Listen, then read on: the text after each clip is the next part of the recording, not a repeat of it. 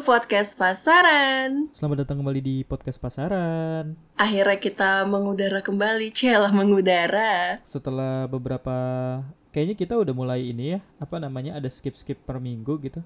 Gara-gara Iya. ya sibuk sana sini sih sebenarnya gitu. Kamu punya kesibukan baru, terus juga emang lagi padat aja gitu. Iya, kayak sebenarnya kan intensi kita adalah untuk em, satu minggu sekali ya, Ndu ya. Tapi ternyata ada satu dan lain hal di kemudian hari, Cel. Jadi kayak sekarang jadi agak sulit untuk catch up. Tapi mudah-mudahan per minggu depan kita bisa kembali catch up lagi ya untuk em, menghadirkan konten-konten mingguan gitu. Episode ini kita akan bahas tentang apa, Sar?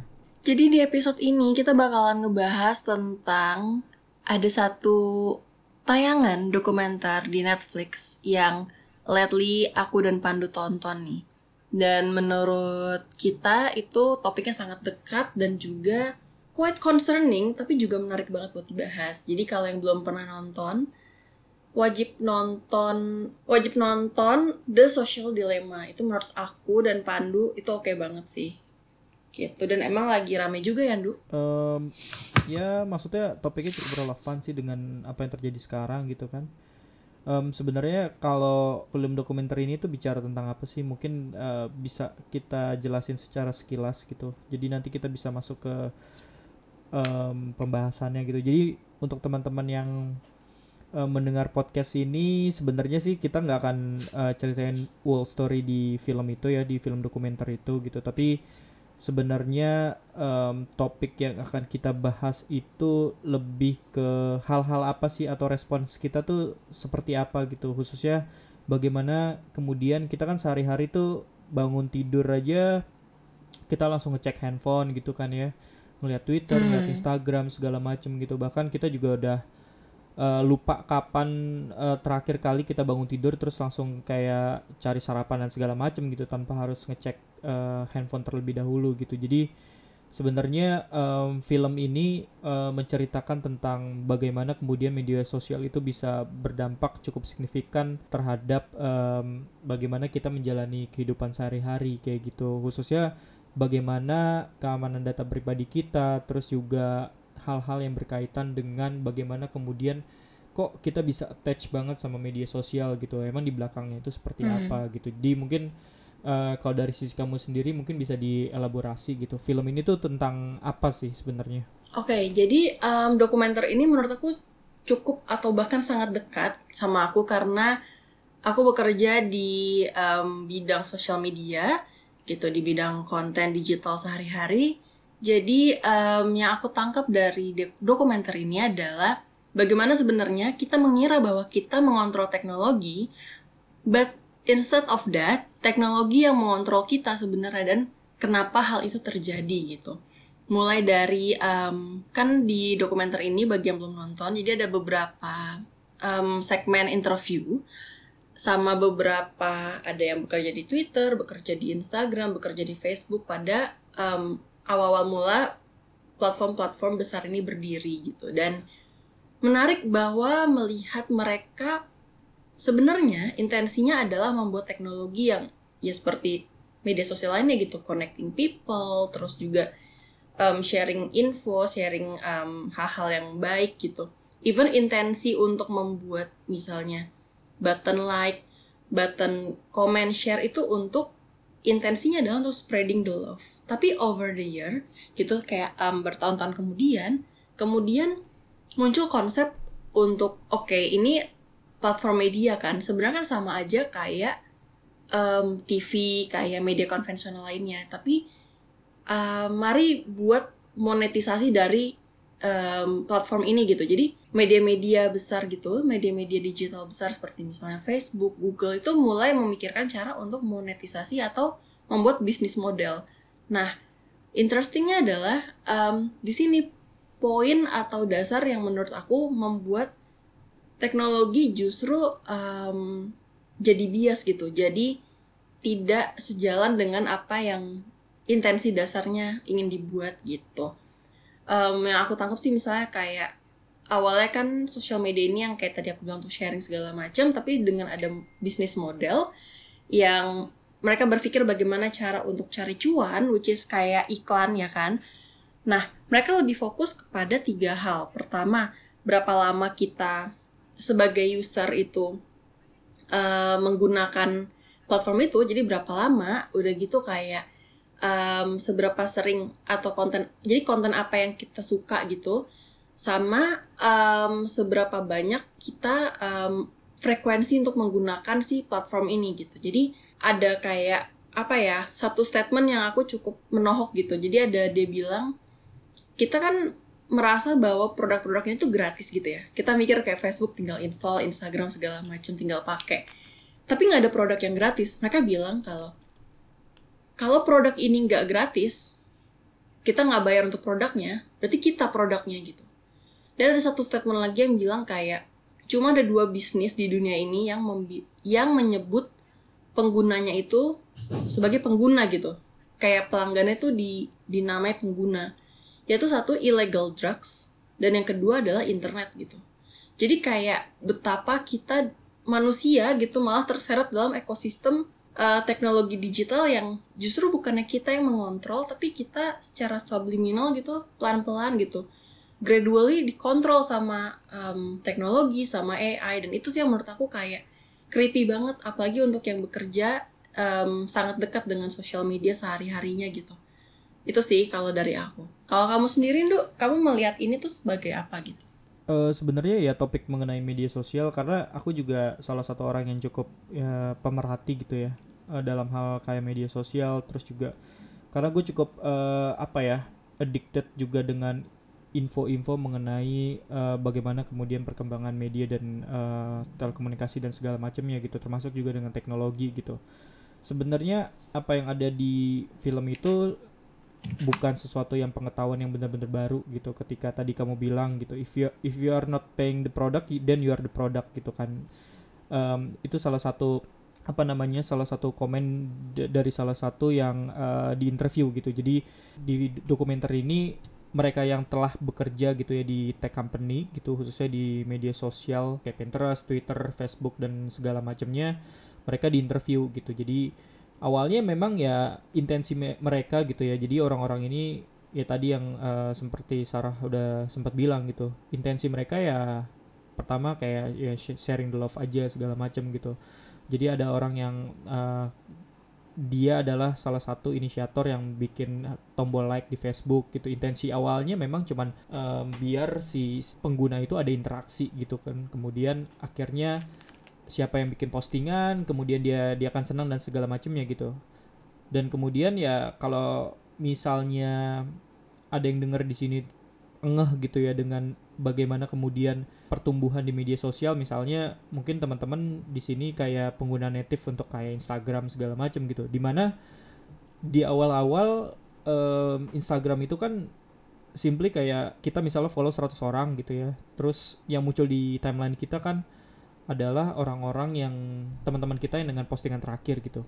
Nah, dan sekarang kayak ketika lo buka Instagram malah kayak perbandingan antara postingan yang engagementnya tinggi dan kemudian uh, diselipi dengan postingan sponsor itu kayaknya udah mulai berimbang gitu. Jadi kalau mungkin teman-teman merhatikan itu kan salah satunya impact dari berkembangnya si bisnis model ini gitu um, bahkan ada di salah satu interview siapa aku lupa gitu intinya dia kalau nggak salah dosen di di mana gitu ya pokoknya di dia pemerhati juga profesor di Amerika gitu dia dia bilang gitu um, tidak ada uh, tools yang paling efektif gitu ya untuk mengetahui secara pasti gitu ya bagaimana perilaku kita kemudian bekerja uh, selain menggunakan Facebook gitu.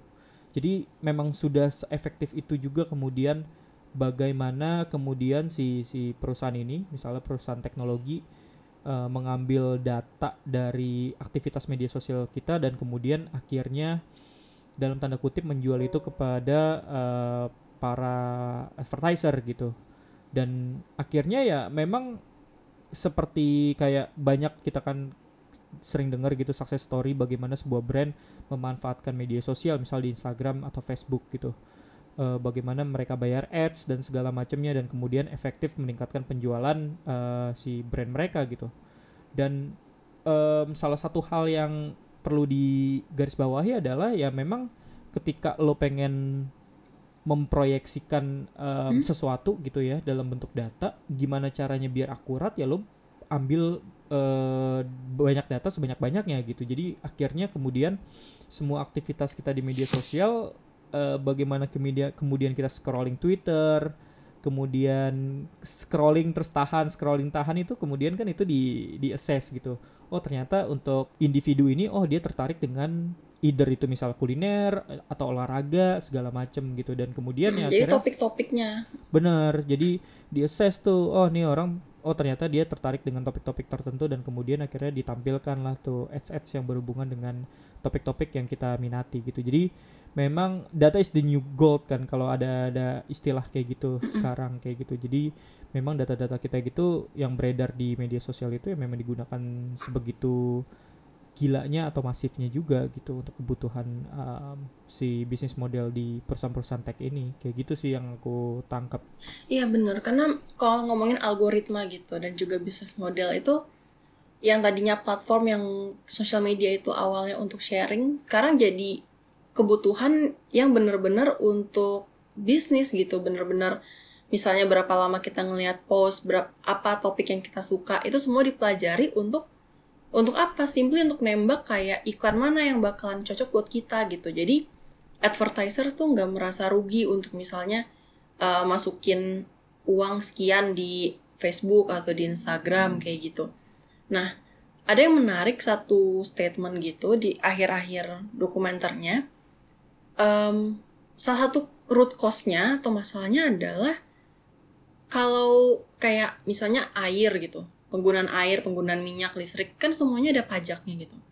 Tapi saat mereka nge-gather atau nge-mining data gitu mereka um, kayak Facebook, Instagram uh, mengumpulkan data-data kita manusia loh ini semua manusia data-data pribadi yang sensitif gitu itu nggak ada pajaknya gitu. Jadi ya nggak ada regulasi undang-undang yang mengatur sampai seberapa sih skop mereka untuk bisa menggunakan data pribadi kita gitu. Nah itu yang yang bahaya. Ibaratnya salah satu statement di situ uh, ada yang bilang gini hukum sangat ketinggalan gitu um, dengan digital. Jadi digital tuh jalan terus kan. AI Betul. teknologi algoritma wah jalan terus. Tapi regulasinya nggak ada. Jadi kayak yang diuntungkan siapa ya? Perusahaan super kaya raya ini dan juga advertisers gitu. Kita cuma apa ya cuma produk-produk untuk kayak ngeliat iklan-iklan ini. Pada akhirnya ini semua jadi media iklan gitu. Ya sebenarnya akhirnya em, menurut aku film ini adalah kemudian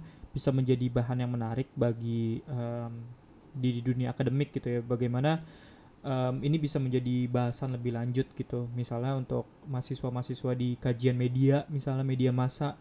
Terus juga di marketing Masih- juga. di marketing juga gitu. Ini ini menjadi topik yang kemudian relevan gitu yang bisa menimbulkan banyak diskusi gitu. Jadi sebenarnya ya itu tadi yang aku bilang gitu. Em, topik mengenai itu sebenarnya bukan bukan sesuatu yang baru gitu. Tapi bagaimana kemudian kemasan ini eh, atau film ini menjadi menarik adalah ya lo menikmatinya itu kan dalam waktu yang cukup singkat kan. Kayak lo satu setengah jam tapi lo bisa tahu oh di balik di balik ini tuh ada hal-hal yang memang harus kita perhatikan gitu.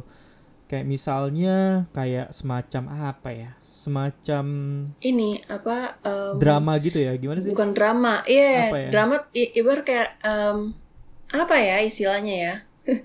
Iya pak. Jadi tuh ada storyline gitu. Ada side story. betul. Betul, betul. Jadi, Jadi, back and forth yes. antara interview, real interview, sama um, ilustrasi, in a way kayak Betul. drama ilustrasi, bagaimana si teknologi ini affecting orang-orang, especially remaja ya, yang kemarin it- yang aku tonton itu remaja kan tiga tiga anak, Iya. satu yang emang dia enggak kepapar sosial media sama sekali, satu yang dia um, terpapar sosial media tapi lebih ke arah konspirasi itu nanti menarik untuk kita bahas juga. Dan yang terakhir anak umur 11 tahun yang paling kecil dan dia tuh sangat-sangat addicted sama sosial media dan um, benar-benar hidup dalam fantasy mencari validasi di dalam sosial media. Kayak misalnya ada satu scene di mana ada yang bilang dia dia kayak rela untuk misalnya ngapus selfie-nya karena likes-nya cuma dua terus dia repost lagi yang lain buat dapet likes banyak and then ada satu post yang kayak komen gitu yang bilang kayaknya kuping lo um, ke- kegedean atau apa gitu. Terus dia jadi kayak insecure.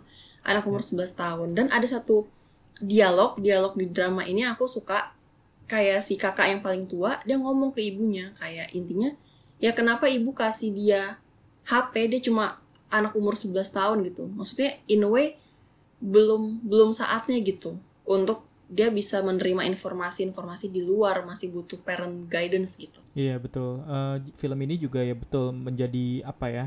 Harusnya menjadi pintu gerbang juga untuk kemudian eh, menjadi bahasan gitu ya, menjadi bahasan di wilayah akademik gitu. Bagaimana kemudian kayak ada satu eh, bagian di mana impact dari media sosial itu kan berpengaruh terhadap eh, bagaimana perpecahan atau polarisasi yang yang ditimbulkan oleh media sosial gitu. Termasuk juga em, krisis politik kita sempat Hmm. sempat tahu misalnya kayak di kayak di Mesir gitu kemudian di bagaimana di, US. ya di US di 2016 kampanye kampanye eh, fake news dan segala macamnya di Brazil terus juga eh, even di Indonesia even- saat pilgub ya even di Indonesia gitu bagaimana kemudian itu sisi-sisi yang memang eh, menarik untuk kemudian dibedah gitu. Bagaimana impact dari media sosial ini tuh bukan lagi kemudian menekankan bagaimana kita interas- interaksi sesama manusia gitu tapi lebih kayak negatifnya itu tuh banyak banget gitu. Banyak banget Hmm. yang secara nggak sadar tuh kita kita terpapar gitu. Tanpa ketahuan memang intensinya si media sosial ini itu dibuat eh, ke arah situ gitu. Tapi memang bagi pihak-pihak yang berkepentingan di situ akhirnya memanfaatkan celah itu untuk mengambil keuntungannya masing-masing gitu. Entah itu keuntung- keuntungan politik misalnya atau keuntungan secara materi atau memang eh, hal-hal lainnya gitu. Bahkan ketika media sosial kemudian tidak terkontrol dan segala macam ya kita bisa bisa lihat gitu bagaimana media sosial juga udah menimbulkan banyak korban gitu. Misalnya satu yang di dunia posting nyata ya? Iya, bahwa satu postingan aja tuh Hmm.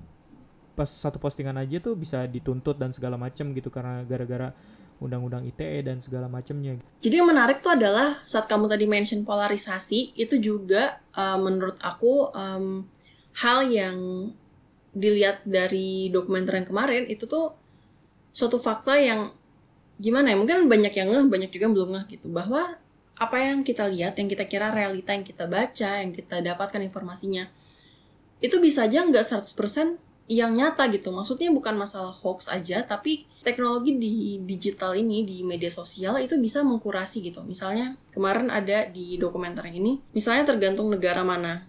Kamu misalnya nyari um, climate change gitu atau Betul. misalnya kayak perubahan iklim.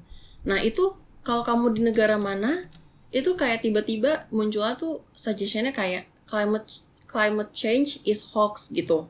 Iya. kayak gitu. Terus apa namanya kalau di negara lain misalnya atau di bagian mana yang memang percaya tentang em, iklim gitu nggak ada nggak ada agenda politik di situ ibaratnya ya udah cuma misal kamu nyari climate change ya apa faktanya apa jadi orang kayak A B C misalnya ada tiga orang gitu ya apa yang dia baca even dia sedekat apa pun Benar. misal aku sama kamu gitu kita sharing banyak um, common interest tapi di saat misalnya kayak kita buka sosmed sosmed itu bakalan totally different gitu apa yang kamu dapetin perspektif postingan apa dan aku dapetin tuh bisa aja beda kayak gitu. Itu sih yang menurut aku sebenarnya agak ngeri karena maksudnya kayak kan kita kan mencari informasi di media sosial gitu. Tapi bagaimana jika media sosial itu adalah hal yang sudah dibuat sedemikian rupa sehingga kita udah nggak tahu lagi yang mana yang realita yang mana yang enggak. Nah, sekarang tuh Mm. ya ya simpelnya adalah ketika kita punya apa yang ngerasa kita punya interest yang sama, kita follow orang yang sama, informasi yang kita terima tuh seberbeda itu gitu. Karena memang benar-benar se- secerdik itu juga bagaimana kemudian si eh, teknologi ini dibuat gitu. Benar-benar memang udah customize per individu gitu. Jadi apa yang Mhm. kita lihat di layar handphone kita ya tentu berbeda dengan ribuan bahkan jutaan orang di di luar sana gitu dengan platform yang yang sama sebenarnya. Kayak gitu sih.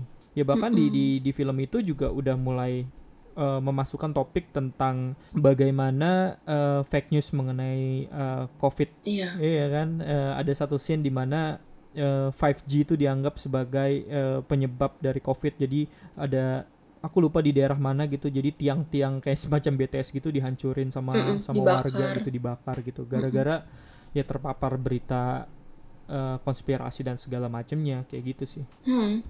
Jadi kalau di film ini, film dokumenter ini ada hal beberapa hal ya yang dari beberapa orang tuh omongin gitu di closing statementnya, yang mungkin aku bisa compile untuk jadi self reminder untuk kita dan juga um, ya bisa aja untuk dilakuin gitu ya. Yang aku ingat adalah pertama katanya adalah jangan pernah um, jadi pertama gini, paling pertama adalah kau bisa matiin notifikasi. Iya. Jangan pernah kepancing sama notifikasi karena itu bakalan ngecek behavior kita. Kedua, jangan pernah untuk YouTube gitu specifically em, nonton atau klik dari em, recommendation. Dan itu kayak Tengget aku biasanya sering kayak mager gitu kan suka ada dapet tuh em, recommended for you gitu tiba-tiba dapet notif. Nah itu ternyata kalau bisa jangan diklik karena dia bakalan tahu nih kayak oh nanti ini orang ini suka topik ini malah baiknya adalah di film itu dia bilang em, lawan algoritmanya dengan kayak ini apa namanya em, cari topik yang beda gitu. Cari topik yang justru nggak nggak kayak bakal kebaca lah ibaratnya lo sukanya apa gitu. Terus yang ketiga ini hal yang aku tahu banget Pandu ini udah lakuin dari dulu. Em, salah satu orang bilang kayak dia selalu ngefollow semua orang even yang dia nggak suka, even yang dia suka, even yang dia nggak cocok sama opini segala macam itu dia follow kan dia mau dapat banyak perspektif dari orang lain. Kayak Yes. aku tahu kamu ngelakuin ini dan ternyata itu adalah salah satu hal yang disuggest gitu. Jadi kayak biar kalau ini di Twitter ya, biar kayak dia nggak nggak kayak ngebaca kayak interest kita tuh apa aja sih gitu. Itu tuh kayak ways untuk melawan algoritma. Kalau untuk em, apa namanya social and behavior gitu yang aku lihat dan untuk psikologi ada juga yang bilang kayak jangan pernah ngasih uh, media sosial ke anak di bawah umur 17 tahun. Uh, mereka basically belum ready. Terus juga ini reminder banget sih buat aku kayak jangan pernah kalau bisa bawa device ke kamar in a way mungkin bukan kamar kali ya tapi lebih kayak ke Ruang pas lo mau tidur kita. banget Hmm. jangan Mm-mm, jangan bawa device karena kayak itu bakalan ngedistract dan aku sering banget kadang tuh mata udah kriip-kriip udah ngantuk jam 11 malam. And then kayak buka Twitter terus tiba-tiba udah tiga jam kemudian. Itu sangat-sangat nggak healthy. Dari sisi kesehatan aja nggak healthy kan. Eh, maksudnya dari sisi kesehatan kayak udah nggak baik gitu kan. Jadi kayak em, apa namanya eh, itu juga hal yang harus dihindarin.